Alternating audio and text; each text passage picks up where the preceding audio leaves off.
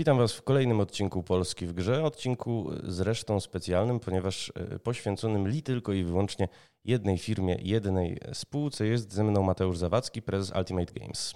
Witam, dzień dobry. E, e, bardzo miło, że, że jedna spółka, jeden odcinek, czyli od razu na początku mogę czuć się, że, że spółka jest wyróżniona, tak? No spółka ma y, bycie Ultimate już w nazwę y, wpisaną, więc A, no, no tak, właściwie chyba taki no był tak, zamysł. No tak, zgadza się, tak, tak. No to super. Taki był zamysł, natomiast y, przyznam szczerze, że no, nasza audycja jest też podyktowana doświadczeniami, jakie mamy na portalu polskigamedev.pl, ponieważ E, no, muszę przyznać, że opublikowaliśmy kilka miesięcy temu, dokładniej w kwietniu, e, takiego newsa o zbycie e, gier na Switchu właśnie z portfolio mhm. Ultimate Games i zatytułowaliśmy go 5 gier 1340 sprzedanych egzemplarzy. I trochę muszę przyznać, że mnie w ogóle zafrasował sposób komunikacji Ultimate Games, która to spółka podaje też no, taki zbyt niekojarzący się z sukcesem. Mm, znaczy ten sposób komunikacji jest przyjęty od 2018, przepraszam, 19 roku i, i akurat podanie tych danych to nie było nic nadzwyczajnego, bo my na stronie internetowej wszystkie dane popremierowe wszystkich gier, chyba że wiążą nas jakieś umowy o poufności, gdzie danych nie możemy podać, tak, czy na jakieś duże licencje, to my te wszystkie dane na stronie internetowej Mm, publikujemy dokładnie od 30 lipca 2019 roku, więc już prawie że dwa lata, więc podanie tych danych nie było niczym nadzwyczajnym. Tak samo te dane nie były też jakoś nadzwyczajne. Ja nawet nie wiem, jakie to były gry, jakoś tego na tłoku tych spraw mm, bieżących nie śledziłem. Ale 5 gier i 1050 sztuk to by oznaczało, że 200 sztuk na grę w ciągu dwóch, trzech dni sprzedaży no to tak standardowo, czyli to by oznaczało, że każda z tych gier kilka tysięcy kopii w skali roku sprzeda, więc nic nadzwyczajnego, ani nic też, no po prostu news, jak każdy, tak? Ja, ja rozumiem, że był jakiś odzew akcjonariuszy, tak, bo nie śledziłem, przyznam się, tego jakoś, jakoś super i dokładnie z uwagi tam na jakieś inne, inne zajęcia, natomiast no my takie dane publikujemy, tak jak mówię, już ponad dwa lata i takich y, informacji, nawet jak dzisiaj sobie wejdziemy na stronę, to pewnie w zeszłym tygodniu były ze dwie i jak się cofniemy tam rok czy dwa lata wstecz, to też takie informacje są, więc nie jest to nic nadzwyczajnego, tak? Być może tam były jakieś gry, które jakoś zapadły z pamięci, być może akcjonariusze się zgłosili, albo deweloper, no, no, no dla, mnie, dla mnie to po prostu był news jak każdy. Po prostu taką mamy politykę informacyjną przyjętą od jakiegoś czasu, że w tak dużym natłoku gier, których tam jest pewnie około 100 rocznie, akcjonariusze chcieli, żeby poinformować ich o sprzedaży, więc po kilku dniach sprzedaży wysyłamy taki raport zbiorczy na temat kilku gier. Jak jest mniej gier, no to wtedy tam wysyłamy na temat jednej gry. Bo przez system ESPI już takich informacji nie wysyłamy od bardzo, bardzo długiego czasu. Więc jest to normalna komunikacja zgodnie z przyjętą polityką informacyjną, która po prostu trwa od prawie dwóch lat. Tak? Jest to y, godna podziwu transparentność, jeżeli mogę dodać. Zastanawiam mnie natomiast, y, bo użyłeś takiego zdania, nie wiem y, jakie to były gry, no i powiedziałeś, że tych gier jest ponad setka rocznie. Ja właściwie obserwuję oczywiście Ultimate Games, natomiast zastanawiam mnie, na czym wy właściwie zarabiacie. To znaczy w 2020 spółka wykazała 46 milionów skonsolidowanego zysku netto, tymczasem i proszę poprawić, jeśli się mylę, bo i, i, ostatni wielki hit Ultimate Games, jaki mi przychodzi do głowy, to jest Ultimate Fishing Simulator, czyli gra sprzed, jeśli się nie mylę, trzech lat. Na czym my zarabiamy? No to patrząc jakby na wyniki takie powiedzmy cashowe, tak, bo tam te 40 kilka milionów to były jakieś przeszacowania, czy zbycia aktywów, więc powiedzmy, że na to nie patrzmy. Spójrzmy na wyniki takie stricte finansowe, które przełożyły się też na gotówkę na koncie, a potem na dywidendę dla akcjonariuszy, tak? I tego było prawie że 17 milionów w zeszłym roku, z czego z działalności operacyjnej, czyli takiej stricte, gdzie się powiedzmy produkuje gry i je sprzedaje, było około 8 milionów złotych, czyli tam rok do roku prawdopodobnie prawie 100% wzrostu, bo 2019 to było ponad 4 miliony złotych. Na czym my zarabiamy? No to jest odpowiedź jest jakby mm, prosta, bo takich y, gałęzi, gdzie my zarabiamy, czy nóg, czy, czy kanałów jest kilka i, i jakby z każdego kanału są ściśle określone pieniądze, co też wynika z naszych raportów finansowych, bowiem w każdym raporcie kwartalnym dzielimy nasze przychody na poszczególne konsole, tak? Czyli na rynek PC-owy, na rynek mobilny i na rynek konsolowy. Jak sobie te wyniki prześledzimy, to największe wzrosty od lat właściwie od, od czasu, kiedy tylko w te konsole mocniej żeśmy weszli, a Nintendo to był 2017, a tak naprawdę 18 rok, Xbox to jest właściwie zeszły rok, PlayStation stawiamy y, na ten rok, no to te wzrosty na segmencie konsolowym to, to jest kilkaset procent. Tak, oczywiście można powiedzieć, że baza była niższa, więc te wzrosty łatwiej robić. Natomiast już w 2020 roku ta baza była większa, mimo to już w pierwszym kwartale tego roku pokazaliśmy znowu kilkaset procent wzrostu na konsolach. I je, jeśli przyjrzymy się per tytuł, bo ja rozumiem, że tutaj zmierza, zmierzało pytanie, to ciągle ten Ultimate Fishing Simulator, który wyszedł 3 lata temu, on generuje kilka milionów złotych rocznie, tak? On został wydany na wszystkie konsole, on miał dużo aktualizacji, dużo DLC-ków i on ciągle świetnie się sprzedaje, czyli to jest taki typowy long seller, tak? Więc on te kilka milionów złotych do wyniku dorzuci, a jako, że koszty się już dawno zwróciły, więc jest to właściwie w dużym uproszczeniu mówiąc zysk, tak? Podobnie sytuacja się ma, jeśli chodzi o gry mobilne. Tutaj nie jesteśmy jakimś tuzem, mamy dwie gry mobilne wędkarskie wydane, Professional Fishing i Ultimate Fishing i one, dwie te gry Oczywiście wydanych mamy więcej, bo mamy powiedzmy kilkanaście, ale te dwie są istotne i warto na nie zwrócić uwagę. Też są w stanie około miliona złotych rocznie wygenerować i to też właściwie jest już czystym zyskiem. Oczywiście zarówno w przypadku phishinga PC-owego, jak i gier mobilnych są to te kilka milionów jest przed podziałem z deweloperem, no bo u nas taki model współpracy właśnie zakłada, że po zwrocie kosztów bądź przed zwrotem kosztów, w zależności od tego jaka jest umowa, my dzielimy się zyskiem z deweloperem. Każda umowa jest inna, procent też jest różny. No i tym ostatnim segmentem, gdzie są te mocne wzrosty jest Nintendo Switch, czy w ogóle konsole, bo to dzisiaj nie jest tylko Nintendo, ale także Xbox mocno, a mam nadzieję, że i w przyszłości e, PlayStation. I tutaj jest kilka tytułów, które sprzedają się, powiedziałbym, bardzo dobrze czy poprawnie. Natomiast prym wiedzie na pewno gra House Flipper na Nintendo, która sama w sobie jest kilka milionów złotych w stanie wygenerować. On już się sprzedał w ilości ponad 110 tysięcy sztuk, przy czym nie było jeszcze żadnej istotnej promocji, a na Nintendo zazwyczaj te wielkie wolumeny są stety albo niestety realizowane na promocjach 70% i większych, czego doskonałym przykładem jest Tip Simulator, który to na Nintendo już przekroczył milion sprzedanych kopii. Oczywiście w większości y, tej sprzedaży to są te duże promocje. Bardzo dobrze też Cooking na Nintendo się sprzedaje i właściwie te trzy tytuły wiodą prym, tak? Mm, jeśli chodzi o Xboxa, jest też wydanych kilka gier. Tam te przychody być, może są niższe, ale Train Station bardzo ładna, ostatnio premiera udana z niezłymi ocenami, też się fajnie sprzedaje. Stary CMS się nieźle sprzedaje, phishingi nieźle się sprzedają.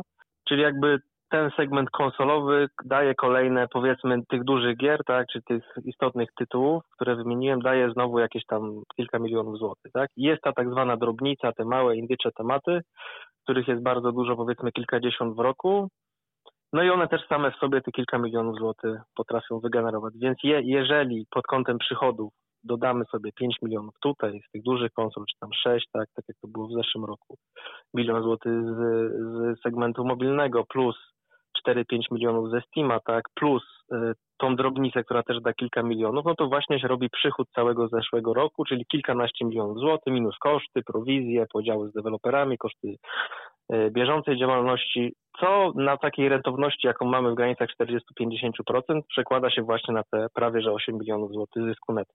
Tak wygląda stricte nasz biznes. Na tym zarabiamy. Y, są oczywiście tytuły mniej rentowne, są bardziej rentowne.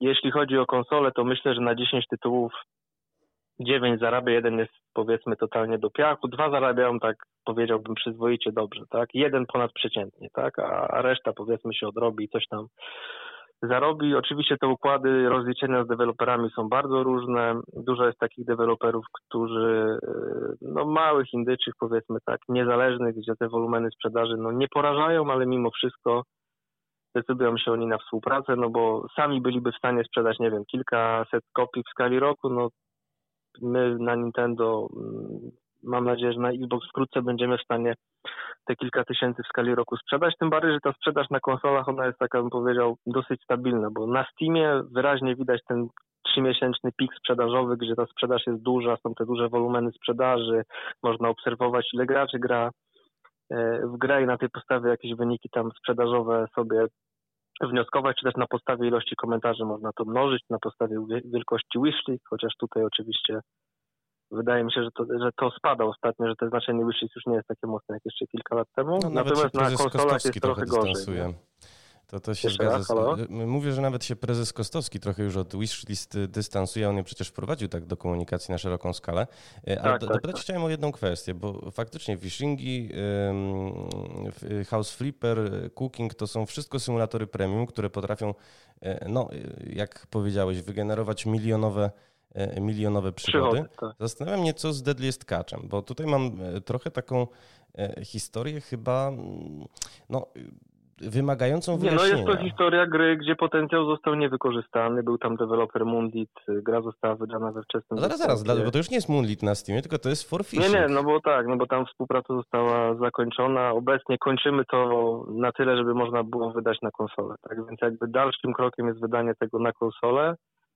Natomiast no historia tej porażki ma wielu ojców, bo z jednej strony myślę, że każdy ma coś tam za uszami, tak, bo i myślę, że, że ta praca deweloperska mogła być wykonana lepiej, tak, to, to po pierwsze. Po drugie, no Discovery jako partner też y, czasami poprzez jakieś terminy zbyt naciska na, na wydanie gier, y, to to jest druga sprawa. No i pewnie też jako wydawca mogliśmy zrobić więcej, być może szybciej zmienić zespół. No jakby to, to, to, nigdy nie jest tak, że w przypadku, kiedy coś tam się nie uda, to jest jakaś tam jedna strona winna. Tak samo ojców zwycięstwa też jest wielu, więc, więc tak. No Deadly Scar rzeczywiście to jest projekt e, e, i słabo oceniany i sprzedażowo też jakby tam szału nie było, natomiast e, teraz teraz kolejny deweloper już od pół roku poprawia na tyle, żeby można było w ogóle zrobić z tego duże konsole, bo jest tutaj, że tak powiem, presja i nasza i Discovery, żeby to na duże konsole wydać. Natomiast nigdy to nie będzie już projekt, który będzie miał super oceny, który jakoś super zarobi, no bo to w grach trochę niestety jest tak, że jak ten start jest fal startem, a tutaj jest, tak było, to potem już trudno dalej to monetyzować, wydawać. Tylko zastanowienie w takim razie, dlaczego e, e, faktycznie figuruje w, w karcie Steamowej E, Forfishing, który zajmuje się już teraz e, no, szlifowaniem i, i poprawkami tego e, mhm. Deadliest Catcha, a dlaczego nawet ze stron Moonlitu zniknął, zniknął w ogóle ten projekt? No, pozostaje model Builder. No Moonlit który... się nie zajmuje grą już od roku czy od pół roku w ogóle, przekazał źródła i robi jakieś tam swoje rzeczy, tak? Ja rozumiem, że tam mają jakieś swoje projekty, więc on tą pracę jako podwykonawca, bo to był do deweloper podwykonawca, umowa B2B po prostu zakończył, tak. A, czyli... Yy... A my jako firma, jako Ultimate mhm. nie chcieliśmy już dalej y, tej współpracy kontynuować, więc zdecydowaliśmy się, żeby, tą, żeby to po prostu skończyć własnymi siłami. Stąd też zniknął jako z karty i też nigdy jakby nie było z ich strony e, informacji przez rok, chyba już tam nie widnieje, żeby na tą kartę miał wrócić, więc jakby ja uznaję, że ta współpraca jest zakończona, była to praca na zasadzie zlecenia, tak, wykonali swoją pracę, zamknęliśmy pewien etap, rozliczyliśmy się i każdy poszedł w swoją stronę. No dobrze, po prostu troszkę mnie zaskoczyło, bo e, e, no właściwie był promowany Deadliest Catch the Game jako gra Monolitu i nagle, e, no wiesz, to jest dla mnie trochę taka sytuacja, jakbym miał autora książki, który popełnił no, jakąś grafomańską twórczość. Y, ktoś przejął to później, nie wiem, jakiś doświadczony redaktor, żeby cośkolwiek w ogóle z tego jeszcze zrobić i nagle autor się wycofuje rakiem, to nie jest jego książka. Wiesz co, to ja do tego podchodzę trochę inaczej, no bo to, to, to w życiu tak czasami bywa, że, że pewien projekt się kończy i ktoś inny się za niego zabiera, tak? I w game devie to nie jest nadzwyczajna sytuacja, że w trakcie produkcji zmieniają się deweloperzy. Już naprawdę miałem kilka takich projektów tym te, które teraz są w toku, że w trakcie z różnych przyczyn, z różnych przyczyn deweloper się po prostu zmienił, tak? Czasami skończył wczesny doszczęt, czasami nie. Czasami yy, ten model współpracy na pewnym etapie stwierdził, że chce iść do dużej firmy, czy do korporacji, czy przeprowadził się za granicę, czy znaleźć miłość swojego życia za, za granicą. Przy takiej dużej ilości projektów, no zawsze taka sytuacja, że ktoś odchodzi, bądź nie chce tej pracy kontynuować, bądź jakieś inne przyczyny są, bądź my nie chcemy z nim kontynuować, no to niestety będzie. I to, i to, jest, to nie jest nic nadzwyczajnego, tak po prostu. Tak jasne, jasne, tylko wiesz, odbiera mi to takie, mm, taką sposobność do romantycznego wręcz myślenia o game devie, to znaczy y, y, nie mogę de facto myśleć o Moonlicie w takim razie jako o artystach, którzy chcą, y, mówiąc kolokwialnie, dowieść jakąś grę, w którą wkładają, wkładają dużo serca, tylko o wyrobnikach, którzy mają do skończenia jakiś produkt na zlecenie zewnętrzne, a później mogą zostać z niego w ogóle wygumkowani i nie będzie śladów historii, że Deadliest Catch jest Moonlita.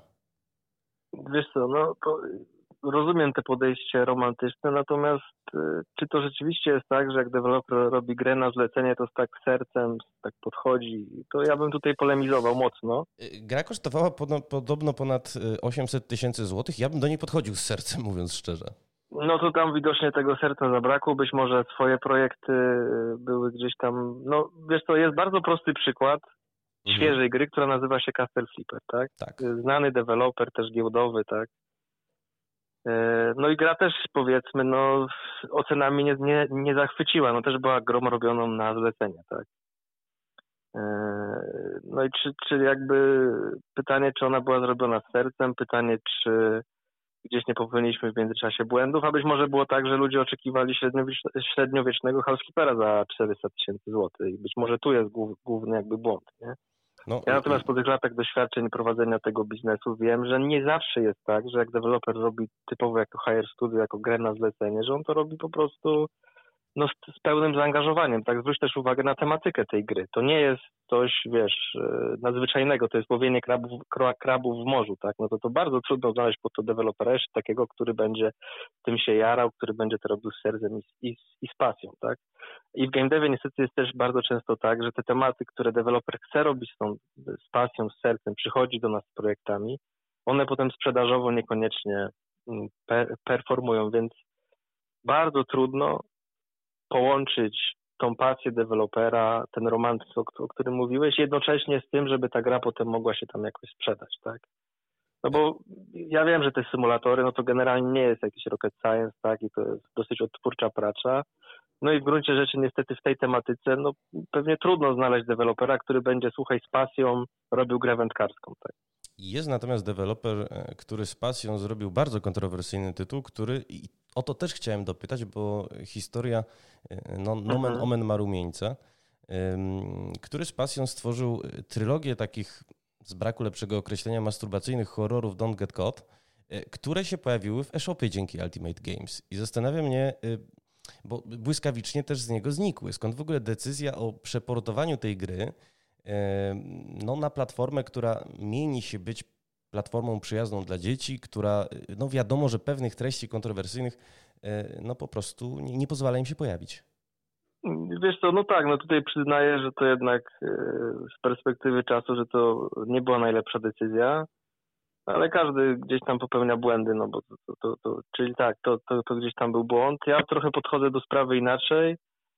E, po prostu poprzez tą grę, którą tam popełniliśmy, tak, która no, była kontrowersyjna, dużo zamieszania i powiedzmy takiego negatywnego odbioru, która chyba nie była potrzebna. I to dzisiaj stwierdzam, że to więcej ujmy przyniosło firmie niż chluby, więc, więc tutaj rzeczywiście jako, jako zarząd biorę to, to, to na siebie, że do tego nie powinno dojść.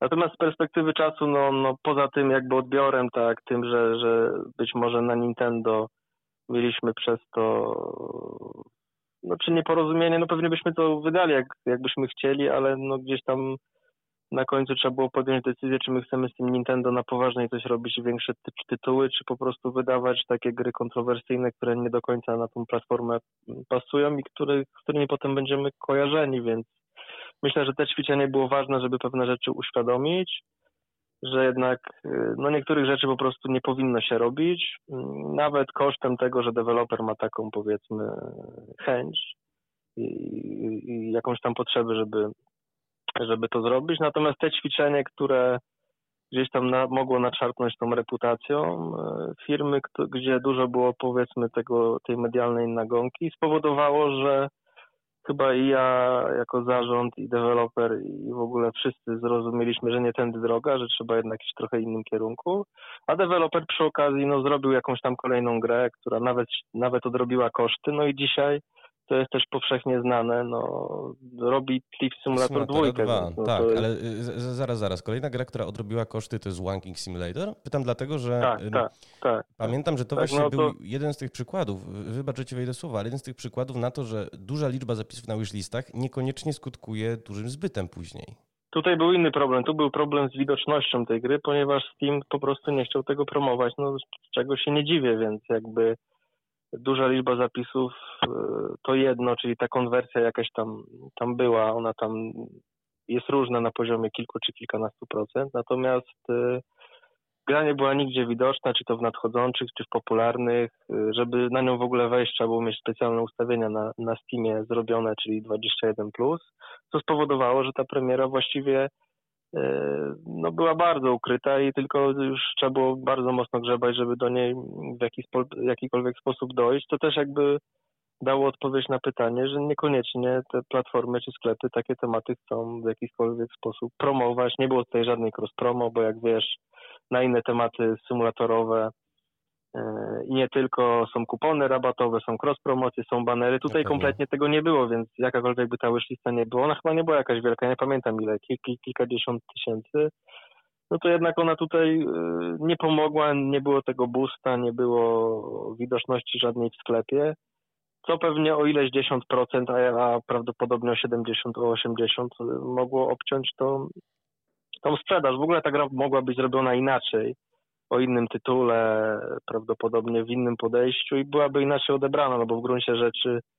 e, no za dużo tam rankinga w tej grze nie ma, tak więc jakby być może to był jakiś pomysł, żeby pójść gdzieś w kierunku Summer Cara czy tych innych gier, ale na dzisiaj wiem, że to jest kompletnie bez sensu, nie? że jakby to się udało raz czy dwa, na jakichś tam dwóch czy trzech grach na Steamie, ale żeby to powtórzyć, to jest, y, to jest ciężko i, i te wszelkie próby już takich kontrowersyjnych tematów, jakichś związanych właśnie z takimi gdzieś seks, y, krew, narkotyki, inne tematy, myślę, że nie tędy droga, lepiej zrobić takiego Housekeepera czy inne większe gry y, na konsolę, czy nawet jakiś symulator u siebie zrobić, czy dopracować, niż na tym się skupiać, bo na koniec dnia niestety więcej z tym jest problemu niż pożytku.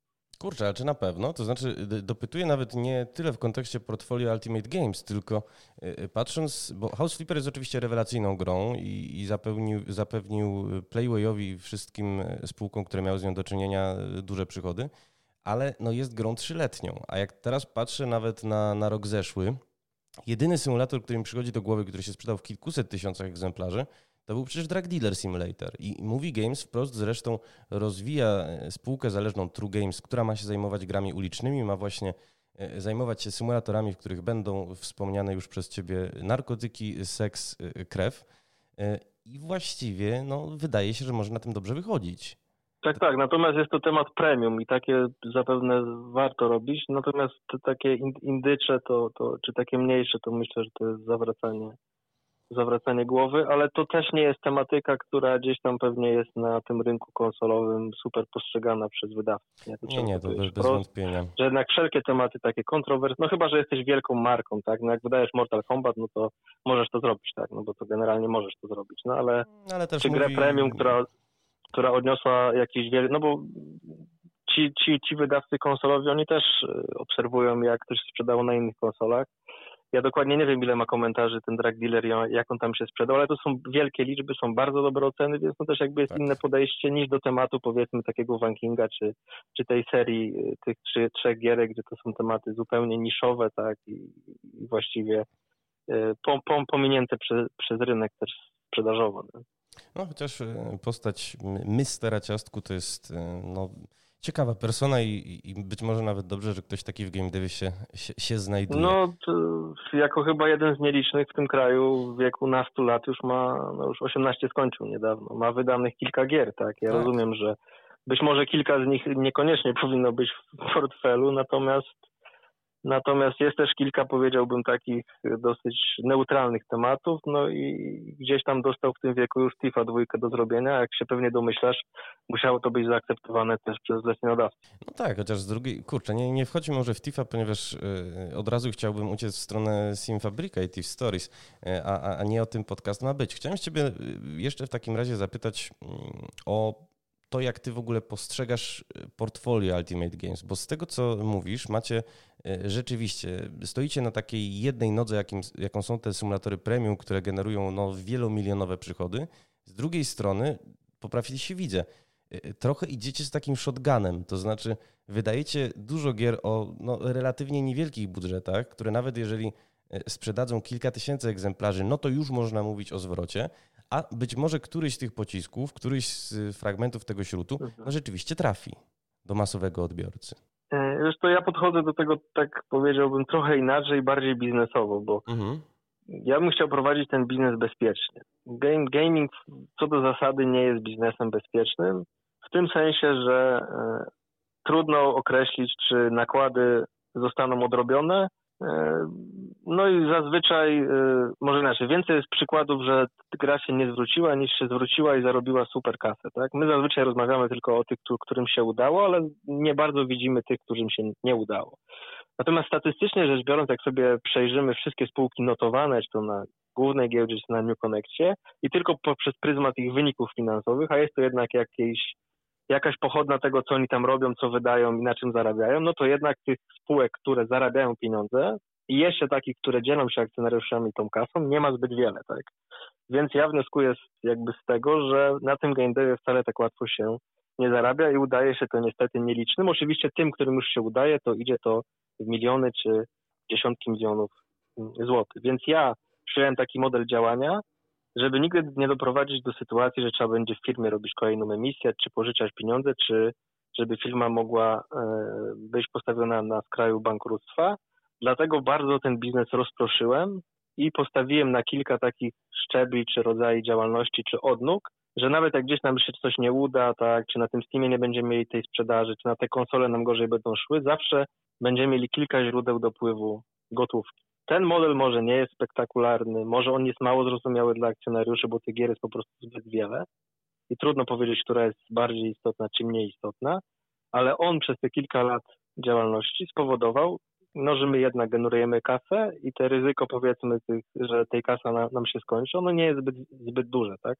Może nie ma tutaj w tej produkcji romantyzmu, może tutaj nie ma super wysokojakościowych tytułów, ale wydaje mi się, że na wszystko przy, przyjdzie czas, bo my jakby z roku na rok pewnym sensie dostosowujemy swoją strategię do otoczenia rynkowego i do tego, co już sami potrafimy. No bo umówmy się, żeby zrobić takiego House na Nintendo, czy teraz robimy Mr. Prepera na wszystkie konsole, czy negocjujemy dwa bardzo duże deale, o których może będzie jeszcze okazja kiedyś porozmawiać, jakie podpiszemy, Jasne. to my musieliśmy zbudować portfel ten powiedzmy portingowy czy wydawniczy na mniejszych tytułach. Nie, da, nie dało się tego zrobić w inny sposób, więc za, zaczynając biznes, wydawaliśmy bardzo małe tematy indycze, żeby zespół się nauczył, żeby się rozrastał, żeby się rozwijał, co w konsekwencji po kilku latach spowodowało, że możemy robić te tytuły większe. Więc docelowo ja oczywiście bym chciał robić tylko same duże tytuły, premium, czy nawet sięgnąć gdzieś za jakiś czas może po jeszcze bardziej lukratywne tematy zagraniczne, tak? Natomiast mhm. trzeba mierzyć siły na zamiary i to jest jakiś tam proces, który trwa. Więc dzisiaj jest tak, że zespoły nauczyły się pewnych rzeczy w pewnych obszarach działalności, mogą robić coraz większe rzeczy, coraz bardziej skomplikowane.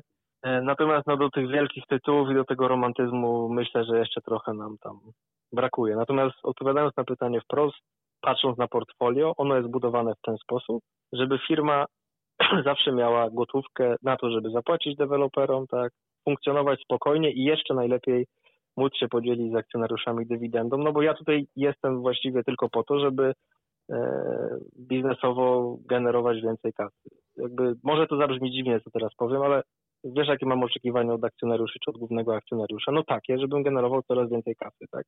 Tam kwestią wtórną jest to, czy ja tych gier wydam 200 czy 3, jakie te gry są, tak?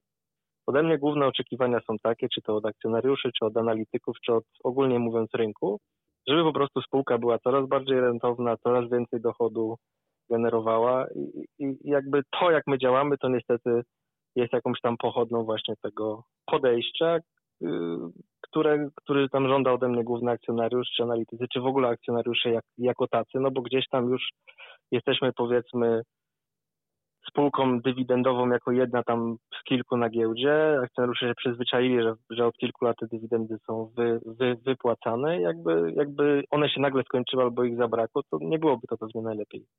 Okej, okay, tylko nie, nie masz wrażenia, że.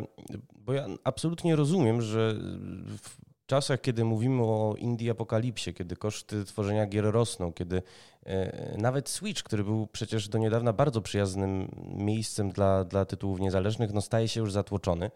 E, trzeba dywersyfikować ryzyko, trzeba dywersyfikować przychody, ale czy aby po drodze Ultimate Games nie gubi trochę nie gubi trochę dobrej prasy. To znaczy, wiesz co, jednym z zapalników dla, dla naszej rozmowy jest ranking y, Metakrytyka ubiegłoroczny, w którym to rankingu y, najlepszych wydawców zajmujecie, no i tutaj nie ma co pudrować, y, ostatnie miejsce. I Ultimate Games jest na 48 lokacie w ogóle jedynym wydawcą notowanym przez Metakrytyka, którego średnia gier no, nie przekracza 50%. I w tym momencie jasne. Ale mówimy teraz o, o, grach y, na konsolę, czy grach na PC-ta? Y, y, wiesz co, wszystkich czy notowanych. To znaczy, zważ na to, że żeby się na Metakrytyku znaleźć, tytuł musi mieć przynajmniej cztery tak. oceny, więc oczywiście no tak. nie każda z gier Ultimate Games te cztery oceny ma, natomiast no, średnia, te tytuły, które przyciągnęły uwagę dziennikarskiej braci tejże właśnie notowanej na Metakrytyku, nie jest imponująca i zastanawiam się, czy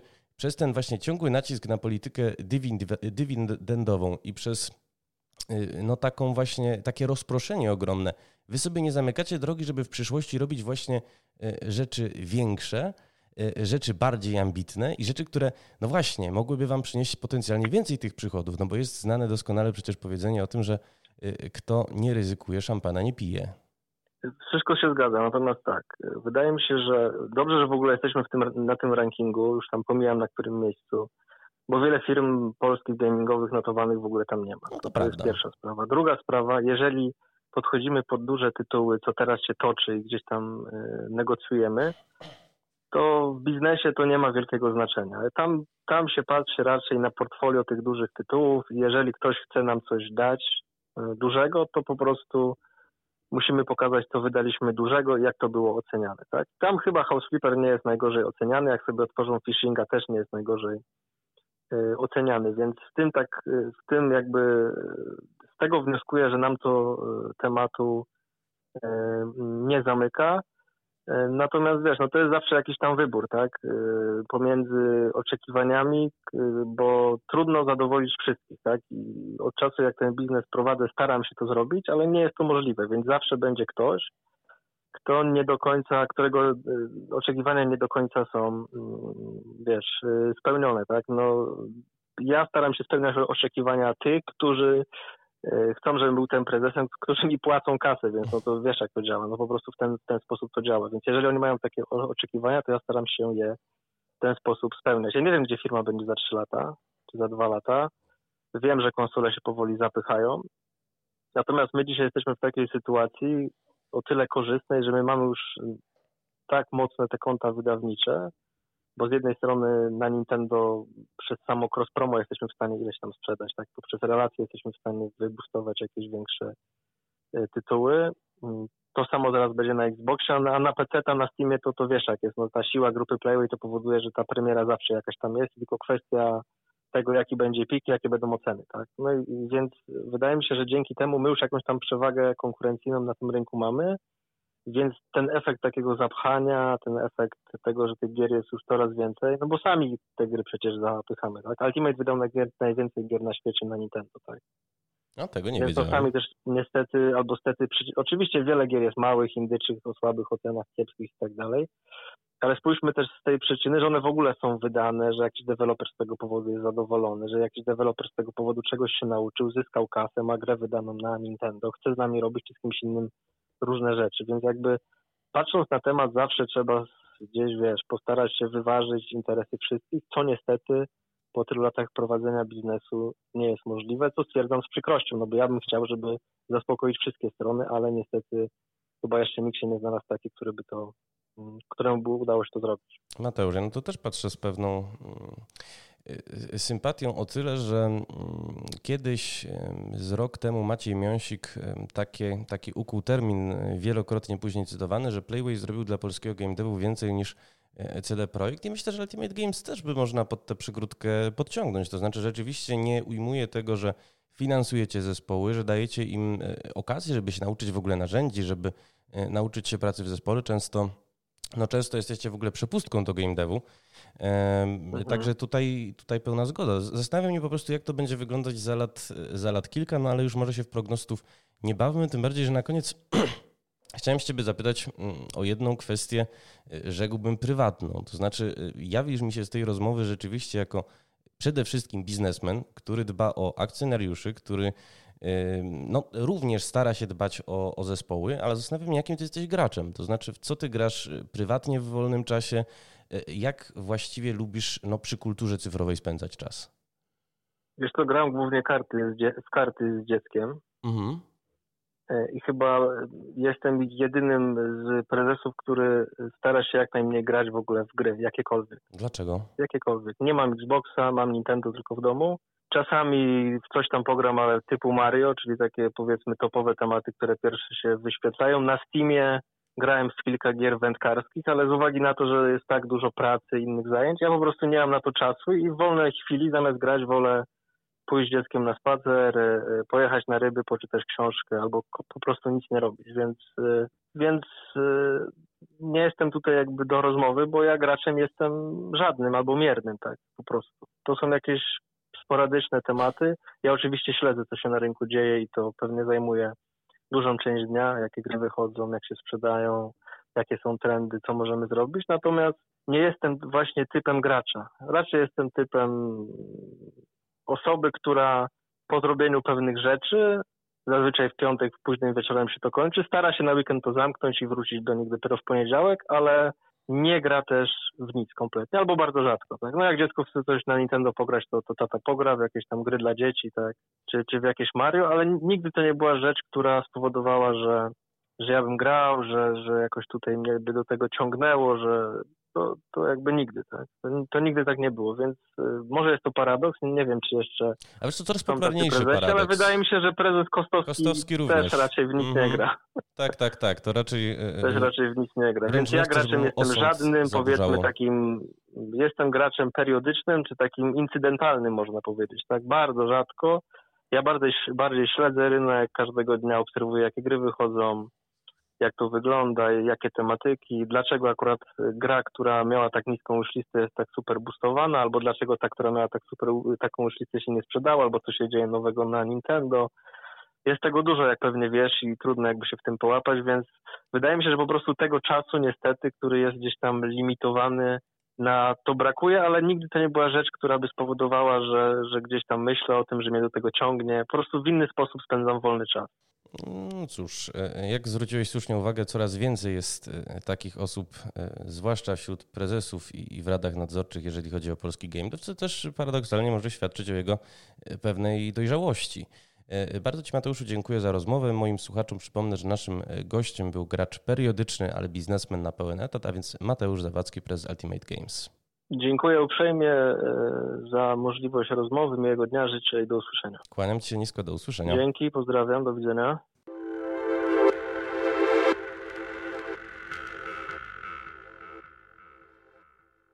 Podcastu wysłuchaliście dzięki wsparciu partnerów portalu polskigamedev.pl, totalizatora sportowego, KGHM Polska Miedź, Fundacji State of Poland, Fundacji Orlen i Fundacji ARP.